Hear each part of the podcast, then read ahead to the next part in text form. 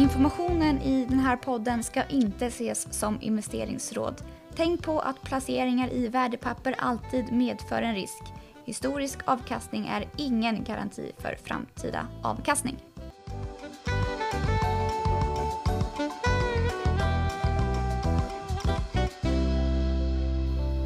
Välkomna tillbaka till Paretos sommarpodd. Det här är det tredje avsnittet och i det här avsnittet så ska jag prata med Helene Broman som förvaltar Lannebo Teknik småbolagsfond som lanserades i november förra året. Välkommen Helene! Tack så mycket, kul att vara här. Ja, som sagt en ganska ny fond. Det har varit en skakig start kanske?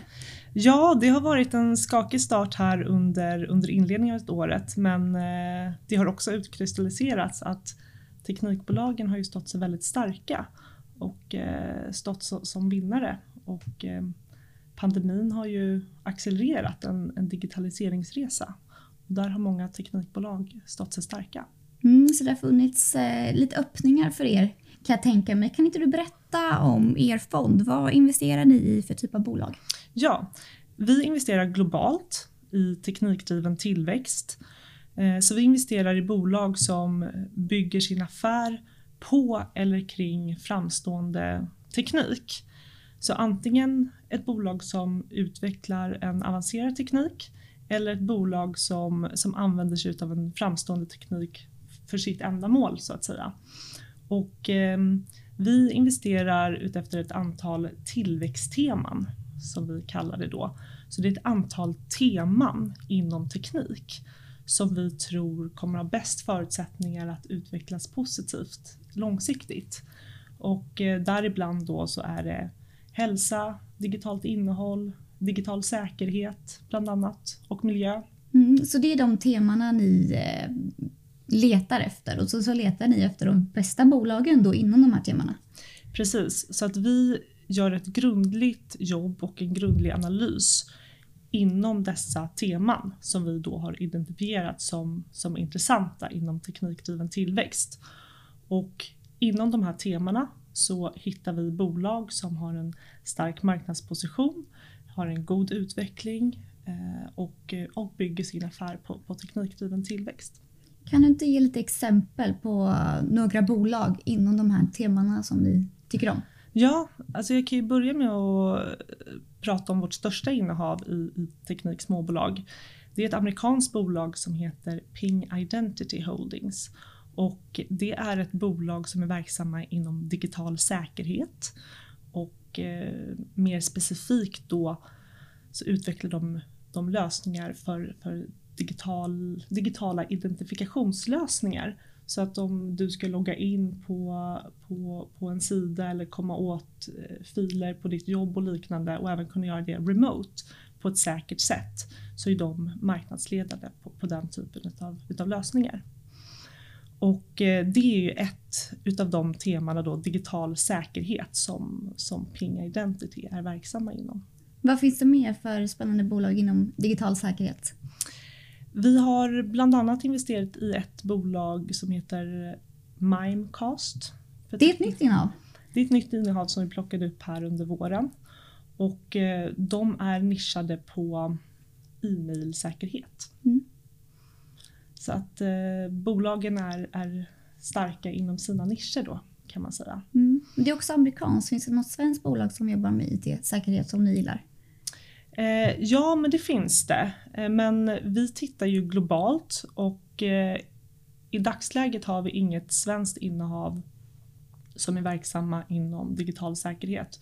Och det är också styrkan med att vi är en global fond, att vi kan ju titta över hela världen. Mm. Och var bolagen har sitt säte spelar ju mindre roll. Utan det handlar om deras marknadsposition och deras affärsmodell och utvecklingspotential som, som styr var vi investerar. Och eh, det känns väldigt, väldigt kul och eh, eh ja, men roligt att ha hela världen som, som eh, spelplan. spelplan. Precis. Så det var digital säkerhet. Vad har vi mer för tema? Eh, digitalt innehåll är ett tema och där ingår ju även alltså både om man tänker datorspel eh, men även digital utbildning. alltså utbildningslösningar.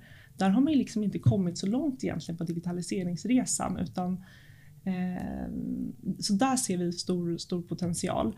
Men på, på digitala säkerhets på, in, inom digital, eh, digitalt innehåll då, så har vi bolag som eh, Frontier Development som är ett brittiskt bolag som, eh, som utvecklar eh, datorspel.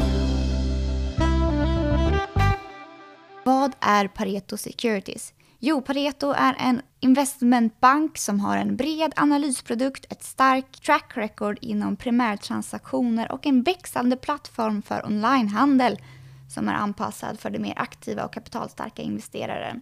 Så är du en mer aktiv handlare så vill jag passa på att eh, tipsa om vårt välkomsterbjudande för onlinehandel på Pareto Securities. Man får under tre månader ta del av det som våra mest aktiva kunder får.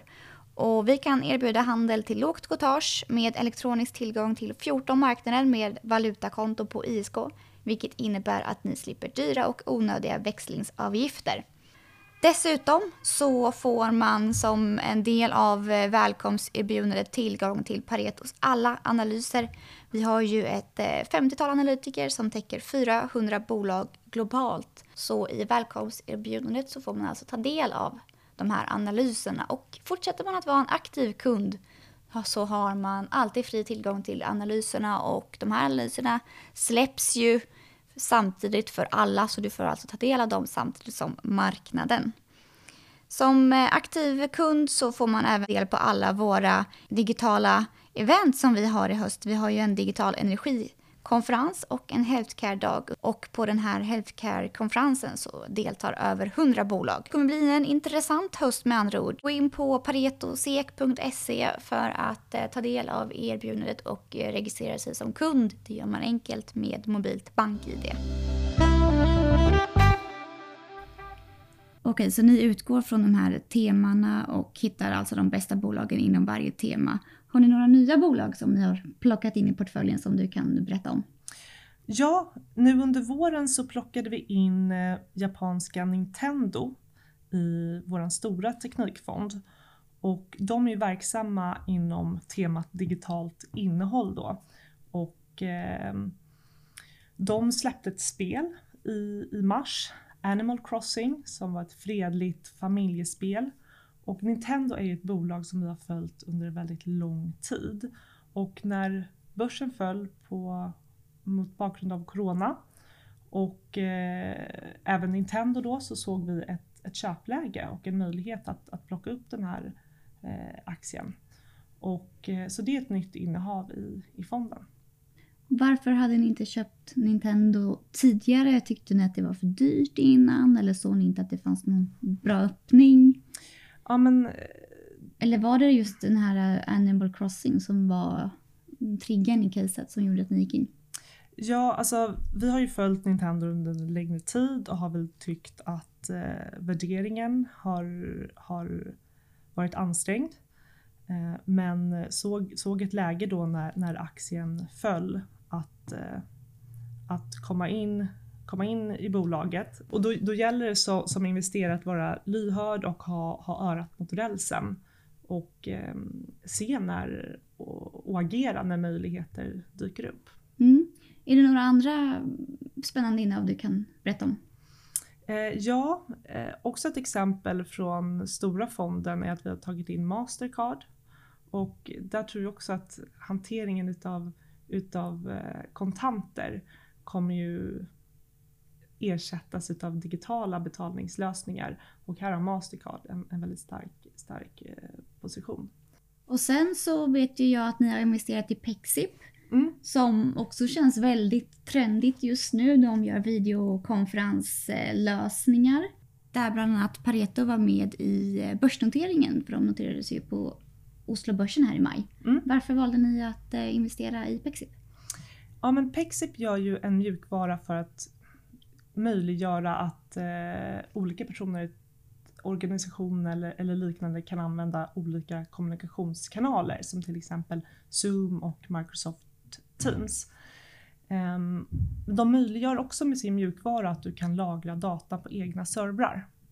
Och det är ett område som jag tror kommer bli än mer aktuellt. Att man vill, företag vill ha kontroll över sin data och eh, här kan Pexip erbjuda en, en bra, bra lösning. Ett annat bolag inom digital kommunikation är ju Sinch som du har pratat om många gånger tidigare. Mm. Jag vet att vi pratade, det var när jag jobbade på EFN, då fick jag höra om bolaget första gången, då pratade du om Sinch. Mm. Eh, Jag hade lite svårt att förstå så här, det hypade med sms-biten men jag kände ja det låter intressant. Jag kände så okej men vad ska driva fortsatt uppgång men Mm. nu är den upp 180 procent senaste, vad är det, året eller vad är det? Ja, hittills i år, Ja. sedan årsskiftet. Vilket är helt sjukt. Ja, och de har ju haft en fantastisk resa och det har hänt otroligt mycket i det bolaget bara de senaste två, tre åren. Och eh, jag tror att eh, för ett par år sedan pratade många just om det här med, med sms och jag tror att många låste in sig på det.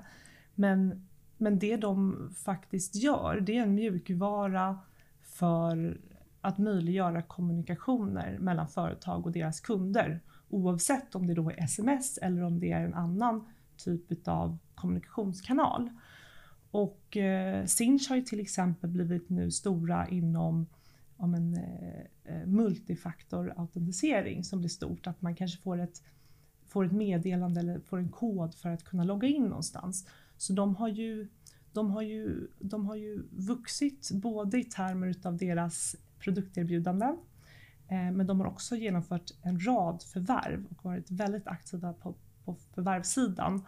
Och nu senast så gjorde de ett, ett förvärv och tog sig in i, i Indien. Så deras värde ligger ju i, i de direkta kontakterna med operatörer för att kunna på ett säkert och effektivt eh, och eh, kostnadseffektivt sätt skicka ut och kommun- kommunicera med, med, med kunder. Men vad tror du att, vad var det ni såg där och då eh, i bolaget som gjorde att ni ändå fortsatte att investera i, i Sinch trots den här uppgången? Eh, det har ju hänt otroligt mycket i bolaget och de har gjort en rad förvärv så att bolaget ser inte likadant ut idag som det gjorde för ett eller två år sedan. Eh, och här gäller det hela tiden att hålla sig uppdaterad, träffa bolaget, återigen ha örat mot rälsen och, och, och förstå drivarna och eh, skalbarheten i, i bolaget. Och eh, sen så har den resan gått snabbare än vad vi hade kunnat föreställa oss. Mm. Och eh, det är ju jättekul att, eh, att se. Mm. Tror ni att Sinch kommer fortsätta att eh, utvecklas, växa och att aktien kommer fortsätta stiga?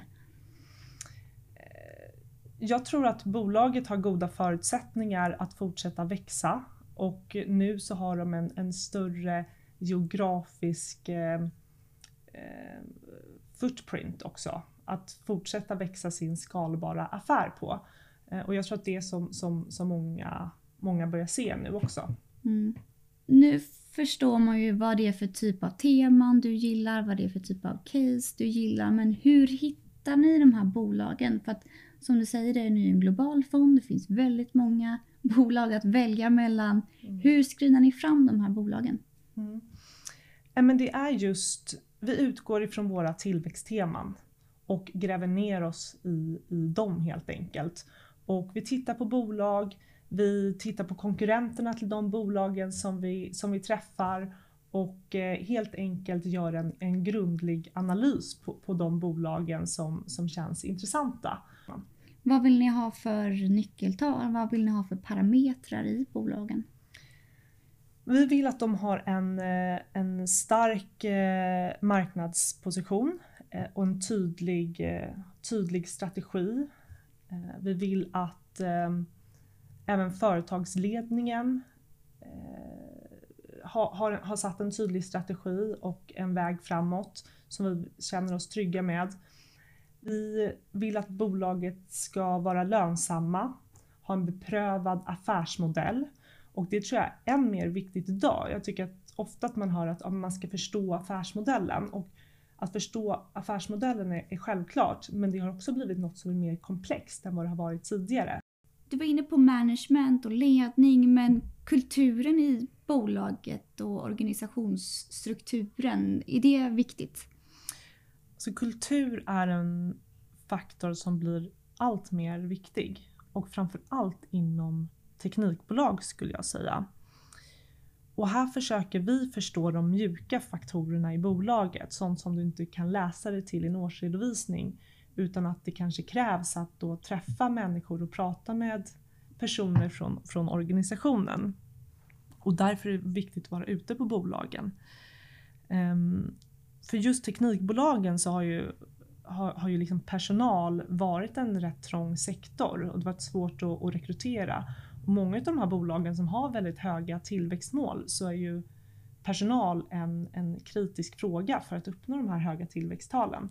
Så att därför så blir faktiskt kultur ett, eh, ett viktigare mått än, eh, ett viktigt mått i, i, inom teknikbolag. Mm, man hör ju att Google har en speciell organisationskultur och många techbolag mm. jobbar på ett speciellt sätt. Tror du mm. att många sneglar däråt och att det blir en viktig faktor för att rekrytera bra personal? Det blir väldigt viktigt skulle jag säga.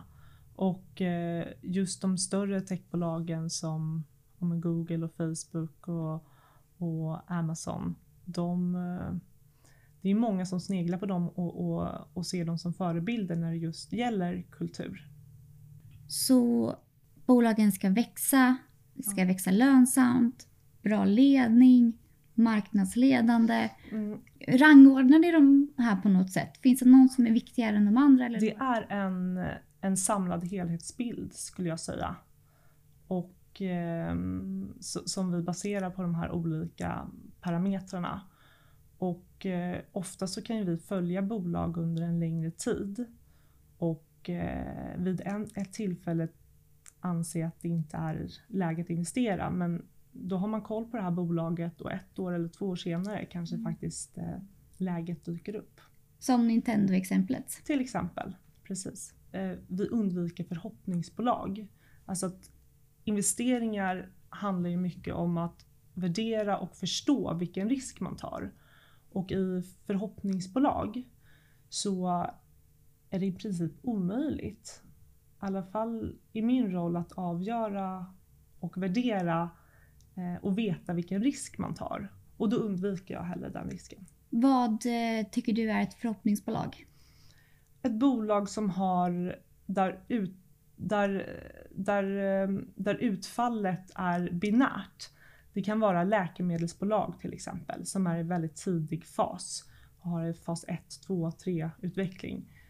Där det är omöjligt att veta om man kommer få godkännande och liknande. Och då mm. avstår vi hellre. Och då finns det många intressanta bolag inom just området hälsa som är ett av våra teman att investera inom. Och då handlar det kanske om mjukvara för att effektivisera vårdprocesser snarare än ett eh, läkemedelsbolag. Mm, intressant, för i förra avsnittet så pratade jag med Astrid Samuelsson som är eh, hälsovårdsförvaltare eh, och investerar i hälsovårdsbolag. Vi pratade lite om digitalisering av just hälsa och ja, men läkemedelsbolag och hela den biten. Och vi kom inte in så djupt på vad det finns för bolag men i och med att det är ett av era teman kanske du kan ge några exempel på bolag? Så ett exempel är ett eh, tyskt innehav som heter Nexus. De gör mjukvara för att effektivisera eh, vårdprocesser och eh, hantering utav mediciner egentligen. Så det är väl ett tydligt exempel på ett sådant bolag som vi kan investera i. De är lönsamma, växer, har en beprövad affärsmodell inom, inom det här området. På Pareto Securities har vi ett fantastiskt erbjudande för utlandshandel. Du kan handla på nästan samtliga europeiska börser samt Kanada och USA direkt i din webbläsare. Och det gör man förslagsvis på ett ISK med valutakonto för då slipper man dyra växlingsavgifter som oftast är flera gånger högre än själva courtaget. Och för den mer avancerade handlaren så erbjuder vi tillgång till för och efterhandel i USA, stopploss och orderläggning samt möjlighet att gå kort aktier globalt. Helene, ni lanserade ju som sagt er fond i november förra året och ni är upp 16% sen start och 10% i år. Men ni var även ner 20 där i, i mars när allting föll. Hur, hur hanterar man det som förvaltare? Hur kändes det? Dels så måste man fokusera på sin investeringsfilosofi och tänka långsiktigt. Och eh, se nedgången som en möjlighet. Och hitta intressanta lägen. Vi plockade in fyra nya innehav i vår stora teknikfond under den här tiden. Ehm, just på grund av eh, den här allmänna oron. Och då följer ju allt. Sen utkristalliserade sig rätt snart att teknikbolag var vinnarna och då hade ju en, en möjlighet eh, uppstått där. Så att jag tror att det hela tiden fokusera på investeringsfilosofin, eh, behålla lugnet också. Mm. Och tänka långsiktigt. Jag tycker att den här, den här tiden och coronapandemin har ju också visat på att det är otroligt svårt att bedöma, det är omöjligt att, att bedöma utvecklingen på kort sikt. Det går liksom inte. Man måste tänka långsiktigt och då får man helt enkelt se den här volatila marknaden och den här stora nedgången som, som en möjlighet. Så ni plockade in några bolag. Var det några bolag som ni kände att det här bolaget kommer inte överleva den här pandemin eller det här är, tiden är över för det här bolaget som ni sålde av? Nej, men vi sålde inte av något bolag. Utan vi eh, köpte bolag. Vi behövde inte sälja när det, när det gick ner. Däremot så började man med att fokusera på, på bolagens balansräkningar och se att, att eh, allt, kändes, allt kändes lugnt. Men, men, men eh, därefter så var det fokus på att se möjligheter. Och mm. vi har också sett ett så stort intresse i teknikbolag och har haft bra inflöde i fonden. Och det har också möjliggjort Dels har vi inte behövt sälja innehav mm. utan kunnat rida ut stormen och snarare fokusera på att stå på köpsidan. Mm. Men när du pratar om kassa, kassaflöden och kassa och balansräkning. Eh, man förknippar ju oftast eh, teknikbolag med tillväxtbolag. Mm. Är det viktigt för er? Du var inne på att prata om att det måste vara lönsamt. Men är det mm. även viktigt att de har en stark kassa för att ni ska vilja investera? Så att de klarar sig när sådana här saker uppstår? Alltså det är en viktig parameter. Och eh, generellt så kan man ju säga att många teknikbolag har ju väldigt bra kassaflöde. Det är rätt kapitallätta bolag. Ehm, många utav dem har stor del återkommande intäkter som man pratar om. Och eh, det gör ju att, eh, att många bolag faktiskt, många bolag inom teknik är, är av hög kvalitet. Och eh, det tror jag också är lite lätt att glömma för att det såg annorlunda ut eh, vid, vid IT-krisen till exempel. Men, men, men idag så, så, så ser läget annorlunda ut. Hur positionerar ni er framåt? Har ni gått från att bara vilja ha tillväxt till mer värdebolag? Hur ser dynamiken ut där? Ja, alltså vi investerar i teknikdriven tillväxt så att vi, vi, vi, vill, vi vill ha bolag som växer tvåsiffrigt. Eh, däremot så finns det ju bolag, vi försöker ju undvika värderingsrisker i bolagen. Och eh, tittar man som grupp på bolag som växer som man brukar kalla hypergrowth som växer omkring 40% växer sin omsättning med omkring 40% per år värderas i snitt till ungefär fem gånger mer än ett bolag som växer 15 då tycker vi att 15% tillväxt i en global ekonomi som växer med några få procent är väldigt attraktiv och du kan också undvika den här höga värderingsrisken.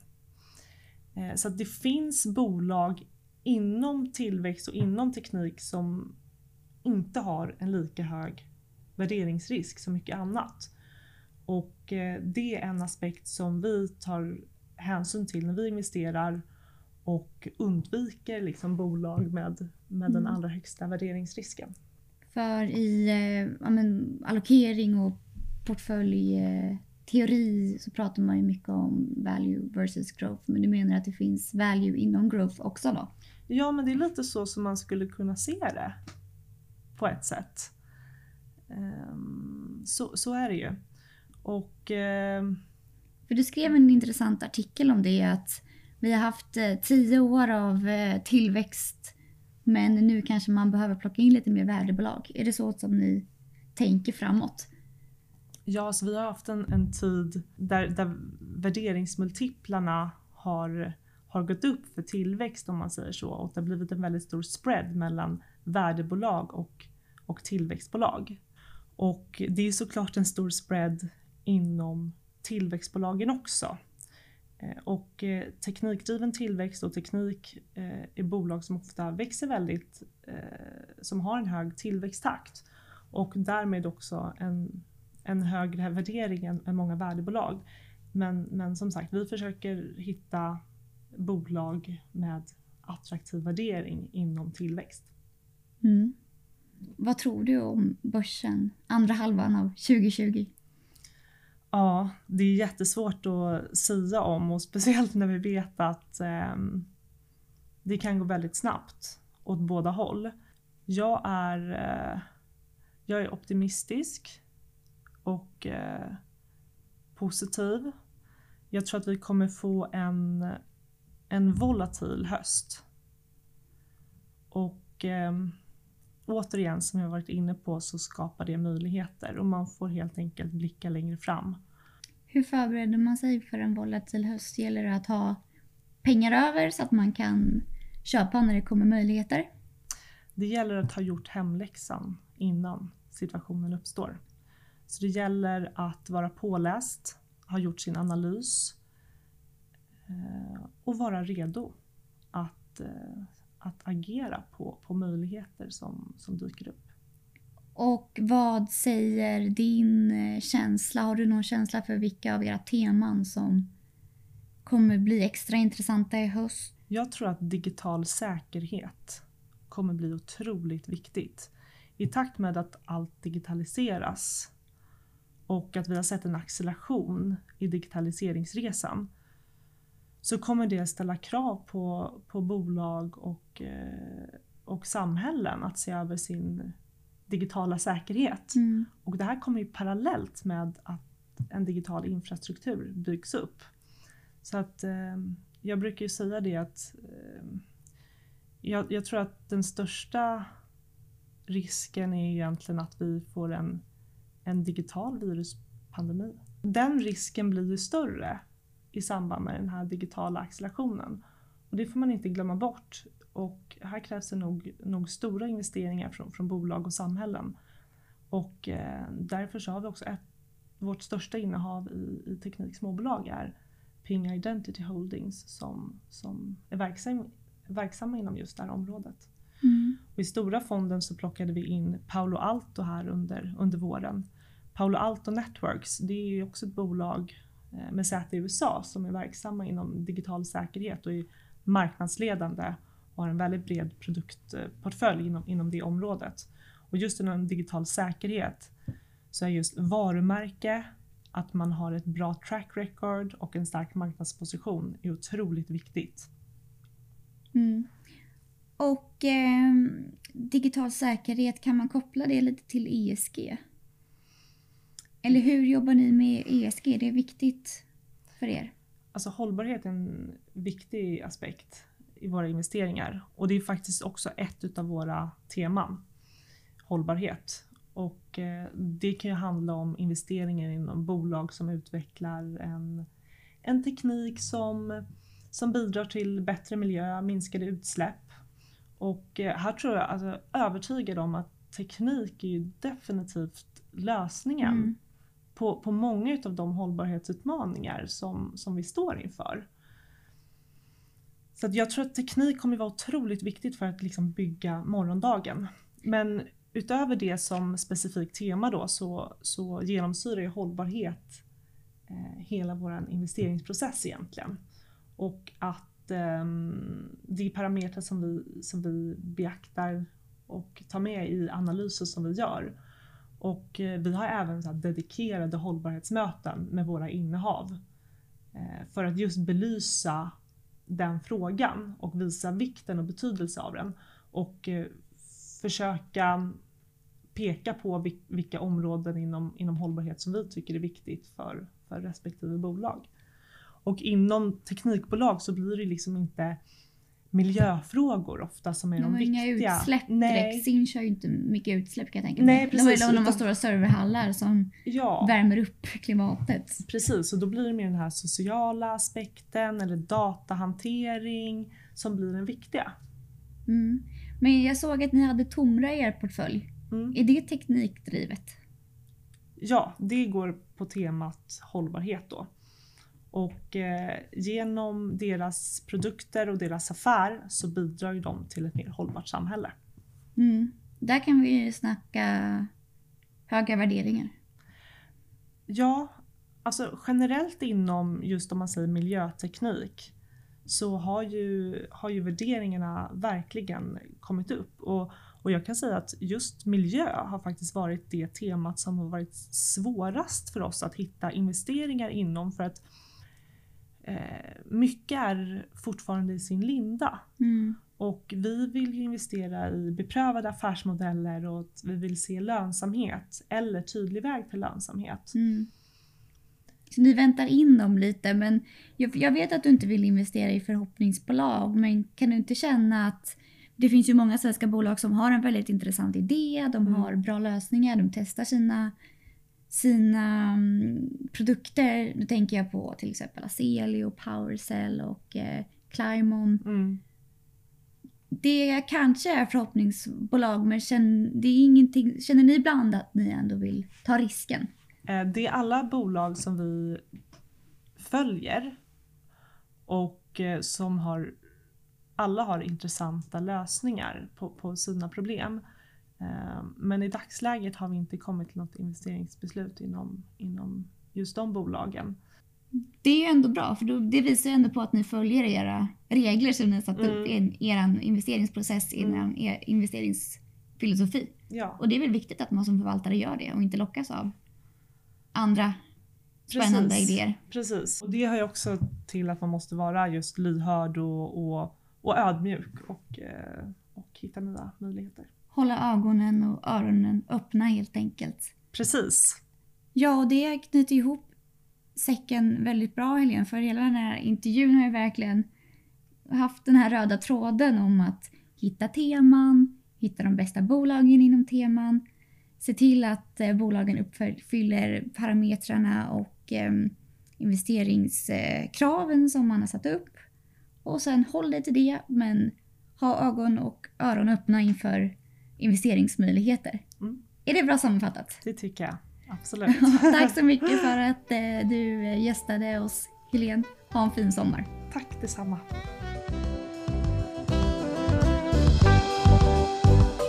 Informationen i den här podden ska inte ses som investeringsråd. Tänk på att placeringar i värdepapper alltid medför en risk. Historisk avkastning är ingen garanti för framtida avkastning.